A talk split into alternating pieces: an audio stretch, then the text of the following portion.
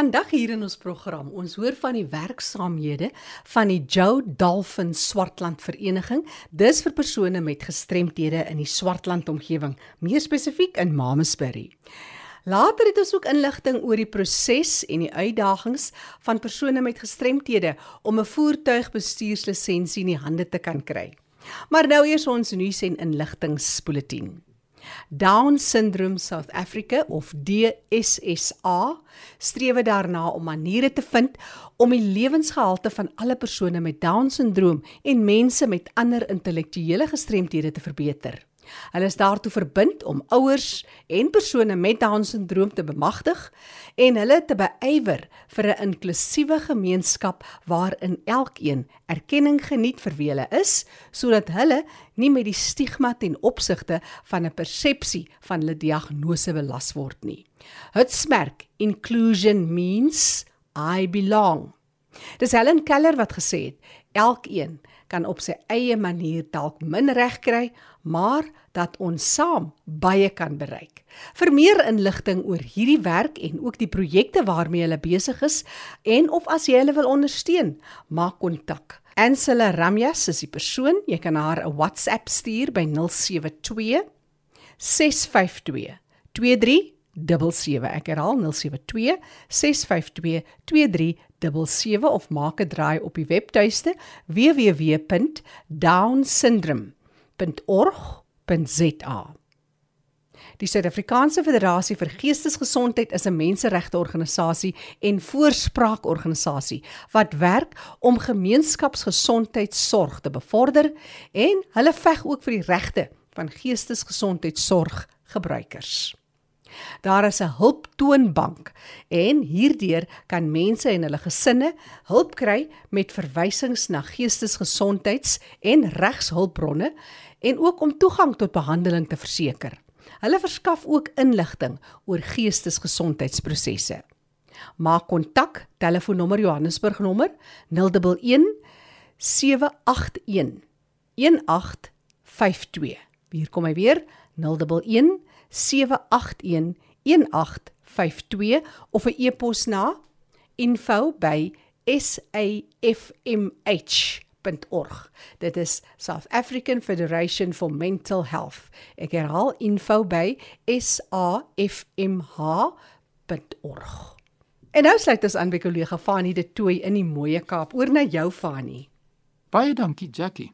Ja, er is hier om daartoe verbind om uit te reik na die landelike gebiede om te kyk wat gebeur in die wêreld van mense met gestremthede in die landelike gebiede van Suid-Afrika. Dis nou my voorreg om te gesels met Alet Mare. Nou sy's 'n bestuurslid en ook 'n voog van 'n begunstigde by die Joe Dolphin Swartland APD daar in Mamasbury. Alet, voor ons nou gaan na die Joe Dolphin Swartland APD of vereniging vir persone met gestremthede, vertel ons net ietsie meer oor jouself. Ja, Fanny, um, ek is 'n leerondersteuner by Parel Skool in Brackenfell. Ons is 'n skool vir leerders met um, spesiale behoeftes en dan veral vir leerders wat ook fisies gestremd is. En um, dan het ek a, ook 'n suster met Down syndroom en sy is dan nou um, die begunstigde wat ons ingeskryf het by Joe Dolphin. So jy's in diepte betrokke in die leefwêreld van mense met gestremthede. Ja, mens kan seker so sê. Nou kom ons kom terug na Joe Dolphin. Wie wat is dit? Ons kyk nou na mamas by die Dani landelike gebiede, né? Nee. Ehm um, ja, so 'n Joe Dolphin is 'n dagsorg vir mense wat intellektueel erg of uiters erg gestremd is. Ehm um, ons het ook aan ons kliënte wat boonbehalwe hulle intellektuele gestremdhede ook ander gestremdhede het. Ons het hulle in drie groepe ingedeel. Ons het 'n junior klas vir die kinders wat jonger as 13 is, dan het ons ons senior klas vir die 13 tot 18 jariges en dan het ons ook 'n volwasse groep vir die wat natuurlik dan nou ouer as 18 is. Uh ons het dan so 20 kinders en ongeveer 15 volwassenes wat by ons ingeskryf is en ons bied dagsorgfasiliteite. Dit beteken dat ons ouers of die voogde dan bedags hulle kinders of mense by ons kan los en ons het geen inwoongeriewe nie. So hierdie kinders gaan dan vanaand terug na hulle huise toe. Salet wat tot ons gesels en sy is betrokke by die Joe Dolphin sentrum vir persone met gestremthede daar in die Swartland, Mamasbury. So maak nie saak waar jy jouself vandag bevind in Suid-Afrika nie. daar's soortgelyke uitdagings in die landelike gebiede. So kom ons leer by wat Alet hulle daar doen in daardie sentrum. Jy verwys na dagsorg. Nou daar's aktiwiteite wat jy noem. Kom ons praat 'n bietjie daaroor. En um, sorry, dit is vir ons belangrik dat ons ons kinders en volwassenes konstruktief moet besig hou, maar ook terselfdertyd elkeen se unieke behoeftes moet in ag neem. In ons junior klas fokus ons hoofsaaklik op algemene ontwikkelingsvaardighede en dit sluit dan selfsorg en fisiese ontwikkeling in. Hulle volg 'n gestruktureerde program wat dan aangepas word volgens elke kind se uitdagings. Ons ouer groep kinders se dagprogram bou voort op dit wat ons dan in die junior klas gevestig het, maar hier by hulle bring ons meer lewensvaardighede en dan ook onafhanklikheid in. En dan afhangende van die vermoëns van elke een van die kinders in daai groep doen ons dan ontwikkeling van vaardighede, soos byvoorbeeld kombuisvaardighede, tuinmaak of skoonmaak aktiwiteite. En dan met ons volwasse kliënte vat ons dit verder ehm um, deurdat hulle byvoorbeeld in ons koffiewinkeltjie werk of dan ander taakies doen soos om papiere te vou vir 'n projek of ons het nou ook 'n sko skoene skoonmaak projek wat ons hulle dan by betrek. Nou die fasiliteit is natuurlik nou net in die oggend beskikbaar, nê? Nee? Uh ja, dit is in die oggend, maar ons volg 'n uh, formele program um, van oggende af tot so 2:00 in die middag. Daarna het ons dan 'n na nasorgfasiliteit waar die kinders dan hoofsaaklik aan ontspanningsaktiwiteite deelneem. Ons het ook 'n busdiens wat ons kinders dan soggens by hulle huise oplaai omdat ons in die landelike gebied is, het ons is ons mense baie meer versprei en die busie bring dan die kinders en die kliënte vir ons sentrum toe. En in die middag neem hierdie busie baie van ons kinders dan nou ook weer terug na hulle huise toe. Ehm um, die ding is ons as luisteraars dink sekerlik gereeld aan mense met geswat met gestremdhede leef, maar ons moet ook onthou van die ander mense in die huishouding waar die gestremde dan woonagtig is. En hierdie mense in die huishouding het ook ondersteuning nodig. Uh, daarso is behalwe vir die versorging van hierdie mense met gestremdhede is daar ook groot finansiële druk op hierdie huishoudings. En ons glo by Jou Dolphin dat as ons 'n veilige geskikte dagsorg vir kinders en mense met gestremdhede kan voorsien, ondersteun ons dan eintlik ook die ouers en die voogte op 'n menswaardige manier sodat hulle kan weet hulle geliefdes word versorg. En die gevolg is dat hierdie mense kan 'n werk kry en 'n inkomste genereer en op daai manier kan hulle weer voorsien in die behoeftes van die gesin, maar dan ook in die behoeftes van die persoon met die gestremdheid. Ek wil net graag by jou oor iets wat nou by my opkom is denkrigtinge van gestremdheid en oorgestremdheid. Sou jy sê dit verskil in die landelike gebiede vergelyking met die groter stede. Jy wat nou al twee areas goed ken. Dink jy dis mense dink anders oor gestremdheid en die hantering en die inskakeling van mense met gestremthede op die landelike gebiede? Ek sou sê in die landelike gebiede is die gemeenskap uh, baie meer genee om betrokke te raak by fasiliteite en dan by die die wêreld van die van die gestremde en uh, die versorging van gestremdes. Dit is mos maar daai gevoel wat mense in die stad soms kry dat elkeen um, woon daar so op sy eie plek. Ja. En uh in die platteland is dit meer dat mense beskikbaar is en bereid is en hulle hande en hulle besies is dan baie meer oop vir mense met gestremdhede. Soos ek gesê het, ons luister dwars oor Suid-Afrika en ook wêreldwyd natuurlik net die program en ons moet leer by julle en die uitdagings en hoe julle dit aanpak. Jy het nou genoem van die ouers en die voogte. Jy is self 'n voog van 'n begunstigde, 'n bestuurslid van hierdie sentrum, die Joe Dolphin sentrum vir persone met gestremthede daar in Mamasbury. Maar wat is die uitdagings wat soos jy dit sien vir die sentrum self om te kan oorleef en te kan bestaan in daardie area? Ons uitdagings is seker maar baie dieselfde as almal sien, hè, want dit kom daarop neer dat ons befondsing onder geweldige druk is. Ons het 'n lang waglys van kinders en mense wat dringend ons ondersteuning benodig, maar ons het nie byvoorbeeld die befondsing om ons busdienste uit te brei nie.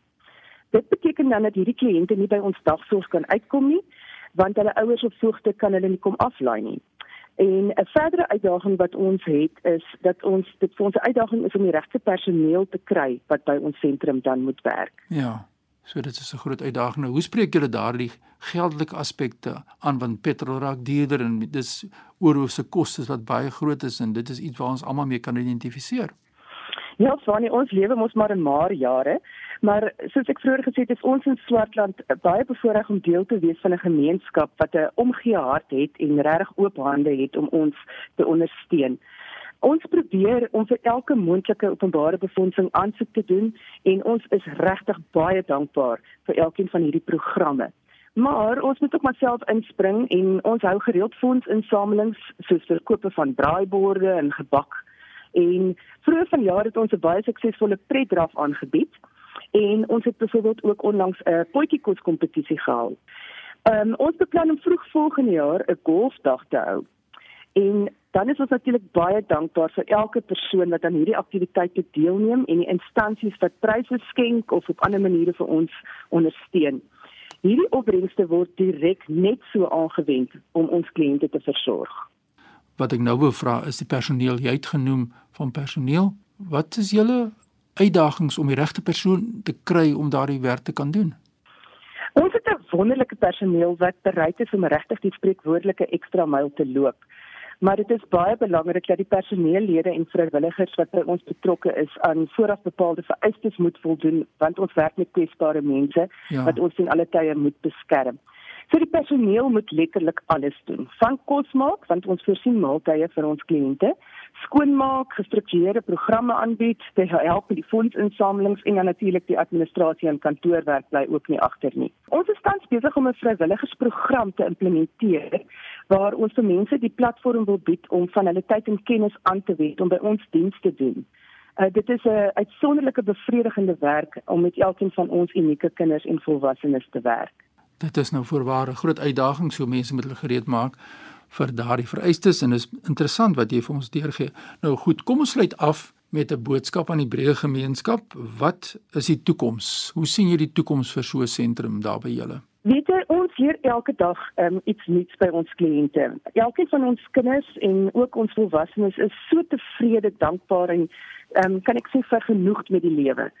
Ehm um, hulle is nie ingestel op die materiële dinge of die najag van roem nie. Hulle wil net elke dag iemand hê wat vir hulle omgee en hulle menswaardig laat voel. Die behoefte is groot om meer mense en meer volwassenes in te neem en ons het die infrastruktuur daarvoor, maar omdat ons 'n nuwe winsgewende organisasie is, moet ons kreatief wees met ons befondsing. Ja. Ons sal graag in die toekoms ons dienste wil uitbrei met satellietfasiliteite na omliggende dorpe. En ons sal ook graag wil saamwerk met ander instansies sodat ons mense met gestremthede kan ondersteun en ook hulle huishoudings en hulle gesinne kan ondersteun. Ja, eerstens kan ek sê dankie aan die plaaslike gemeenskap daar in Mamasbury vir die ondersteuning wat hulle bied aan mense met gestremthede soos hierdie sentrum, die Joe Dolphin sentrum daar in Swartland. En as jy verbygaan, gaan loer daaraan. Ja, en skakel sommer nou. Die telefoonnommer daar in Mamasbury is 022 487 1156. Ek herhaal 022 487 1156. 56 dis die kontakbesonderhede van die Joe Dolphin Sentrum vir persone met gestremthede in Mamasbury. Alet Marie, dit was wonderlik om met jou te kan gesels uit die bestuursperspektief en het ons baie geleer oor so 'n sentrum baie sterkte met julle werksamehede. Baie dankie Fani. Ja, dit is lekker om te luister en te leer by mense wat elke dag regstreeks geraak is deur die leefwêreld van mense met gestremthede. Jackie voor ek teruggee aan jou daar in Johannesburg, my e-pos is fani.dt@mweb.co.za. Groetens uit Kaapstad. Ag baie dankie Fani, altyd lekker om van jou te hoor. Ek gesels nou met Des Harmse. Hy is betrokke by die opleiding vir mense met gestremthede vir 'n motorbestuurslisensie. Des vertel ons kortliks, hoe het jy betrokke geraak in hierdie veld? Ek het gewerk en was in 1999 afgelê as gevolg van die tipe besighede, leibebrokers, wat toegemaak was deur die regering en vakbonde. Hulle het 'n kwessie daarmee gehad. Daarna kon ek vir hmm, ongeveer 'n jaar nie werk vind nie. 'n Vriend van my wat in K53 bestuurskool in Randburg was, het toe vir my gesê ek moet maar bietjie daar by hulle kom, 'n draai maak en tydelik net aangaan met by hulle as 'n instrukteur. 'n jaar of wat later het hulle verhuis Amerika toe en ek het toe die besigheid by hulle oorgekoop. Hier by ongeveer 2010 of 11 het Quasa die eienaars van ADI bestuurskool gekontak en gevra of hulle belangstel om gestremde mense op te lei as hulle hulle voertuig aan hulle voorsien en dis hoe ek betrokke geraak het by die opleiding van gestremde mense.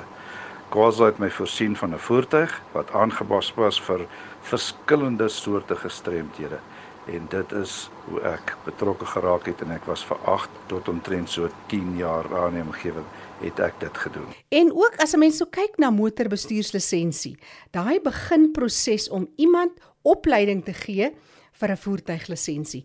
Wat deel jy vandag met ons? Jackie, ja, die meeste oortuigingwerk ehm um, word eintlik deur die outies of arbeidsterapeute gedoen. Hulle moet eers bepaal of 'n persoon sterk genoeg en gebalanseerd genoeg is om te, te probeer om 'n voertuig te bestuur. As die leerling dan hulle leerlinglisensie bekom het, dan kom hulle na my toe vir lesse. Die eerste paar oomblikke is dit werklik 'n kopskuif situasie.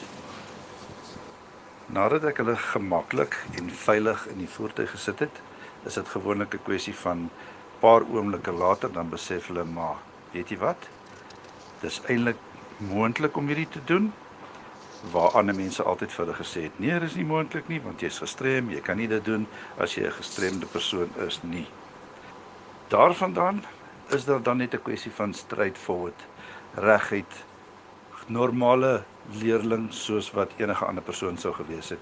En dit was altyd my oortuiging ek moet hulle net eers daai kopskuif laat kry. As dit gedoen is dan is dit maklik om hulle verder te leer Wat en wie sonder jy uit in al die jare se ondervinding, die stories van mense wat jou altyd sal bybly? Ek het drie voorbeelde wat absoluut in my kop vassit. Ek sal dit seker nooit in my hele lewe vergeet nie. Nommer 1, Christo. Hy was seker so 45 jaar oud se kant. Hy het van tevore 'n lisensie gehad, teen so 7 jaar voordat ek hom vir die eerste keer gesien het, het hy 'n motorongeluk gehad en dit het hom al daai tyd gevat om te rehabiliteer en deur al die arbeidsterapeute en goed te gaan om dan by my uit te kom. Toe ons nou in die kar klim, het ek vir hom net eers gemaklik gemaak, soos ek sê, gemaklik en veilig gemaak. En toe hy begin wegtrek binne 'n kwessie van omtrent so 1 minuut se tyd. Toe kyk die man na my toe en hy sê vir my: "Des, jy het nie 'n idee wat hierdie vir my beteken nie." En toe ek na hom kyk, toe loop die trane. Die ander ene Sibosiso, hy het in Nelspruit gebly en hy het Johannesburg toe gekom om sy lisensie deur Kwasa by ons by my te kom doen. Hy het in Johannesburg het hy 6 keer sy lisensie gedop. Die laaste keer wat hy gedop het, het die toetsbeampte vir hom gesê, hulle gaan hom dop omdat hy nie kan handsyne doen nie, want die man het aan die linkerkant het hy geen arm gehad nie en sy regterkant se arm is net tot by die elmboog en hy het geen hande nie. Nou kan jy nou glo dat die toetsbeampte nou sulke goed kwyt raak vir 'n man wat alreeds disabled is. Die derde ene, Trinika, dis 'n vrou wat gebore was met geen bene nie, twee arms wat amper korter as die elmboog was en ons het haar in 'n space drive wat bedoel is vir quadriplee, swak quadriplee Ons het daar in die space drive gesit. Ons het daar geleer om te bestuur, parkering te doen, alles. Die dag toe ons natuurlik na die toetsstasie in in in uh, Centurion toe gaan, toe hulle haar sien en hulle besef hulle is sy gaan nou haar toets doen, toe kon niemand dit glo nie. Almal toetsbeamptes, bestuurder van die stasie, party van die klerklike mense het uitgekom en kom kyk na hoe sy haar toets doen. Nou al drie hierdie mense kan ek met trots sê, het hulle toetse eerste keer deurgekom. Christo het van tevore 'n lisensie gehad, so hy was net 'n hertoets gewees. So hy het nie nodig om alles van leerling af oor te doen nie, maar hy moes nog steeds die padtoets en alles doen soos wat dit gedoen moet word deur 'n persoon wat van vir die eerste keer hulle toets gaan doen. Jy bly nou in die Noord-Kaap en daar was geen infrastruktuur en instrukteurs in die provinsie wat die diens gelewer het nie.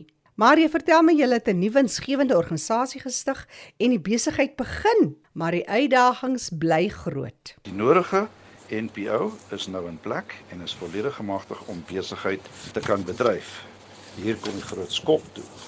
Befondsing. Ons benodig 'n klein maar veilige voertuig met die volgende dinge in plek. Die deure moet groot genoeg oopmaak sodat die rolstoel gemaklik kan inpas vir die persoon om oor te plaas na die bestuurder se sitplek. Die sitplek moet ten minste op en af kan skuif uh sodat die korter persone kan geakkommodeer word. Dan benodig ons aanpassings vir die gestremde persoon om die voertuig te kan hanteer sonder om bene te gebruik of as hulle net een been het, dan moet hulle ook die voertuig kan gebruik. Die meeste van die tyd is dit outomatiese voertuie. Dan is daar ook ander aanpassings vir die veiligheid, soos die petrol moet toegemaak word dat hulle nie op die petrol kan trap as hulle per ongeluk spasmas kry ensovoorts. Ons het en ek gaan net maar net sê baie e-mails uitgestuur na verskillende maatskappye in en buitekant ons land om aansoek te doen vir befondsing. Ons het nog nie veel reaksie op dit gekry in die afgelope jaar en 'n half nie. Dan het ons befondsing nodig om die instrukteurs op te lei, want dit gaan 'n voltydse werk wees. Daar is nog dele van die hele projek wat ook befondsings nodig het, maar hierdie is omtrent die belangrikste goed. As ons dit in plek kan kry, dan kan ons begin om die projek aan die gang te sit en as ons eers die projek aan die gang gesit het, dan kan ons verder werk aan befondsing vir akkommodasie vir mense wat van ver af moet kom. Ons is ook in proses om 'n database saam te stel in samewerking met mense soos DPSA, Disabled People South Africa, maatskaplike werkers, arbeidsterapeute en ander, sodat ons kan uitvind waar is die grootste nood, grootste hoeveelheid mense wat die diens nodig het. Ek weet dat Kwasa doen werk in Johannesburg, Pretoria, Durban en Kaapstad.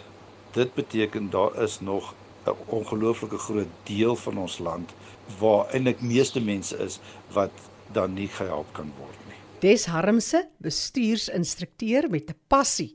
Dis nou vir mense met fisiese gestremthede en hy help hulle om hulle lisensies te bekom. Jy kan met Des kontak maak 067 829 4491 of jy kan 'n e-pos stuur aan harmse.des@gmail.com. Onthou vir terugvoer of navrae, stuur vir my e-pos jackie@rsg.co.za. Leef wêreld van die gestremde staan onder leiding van Fanie De Tooy en Jackie January. Groete tot 'n volgende keer.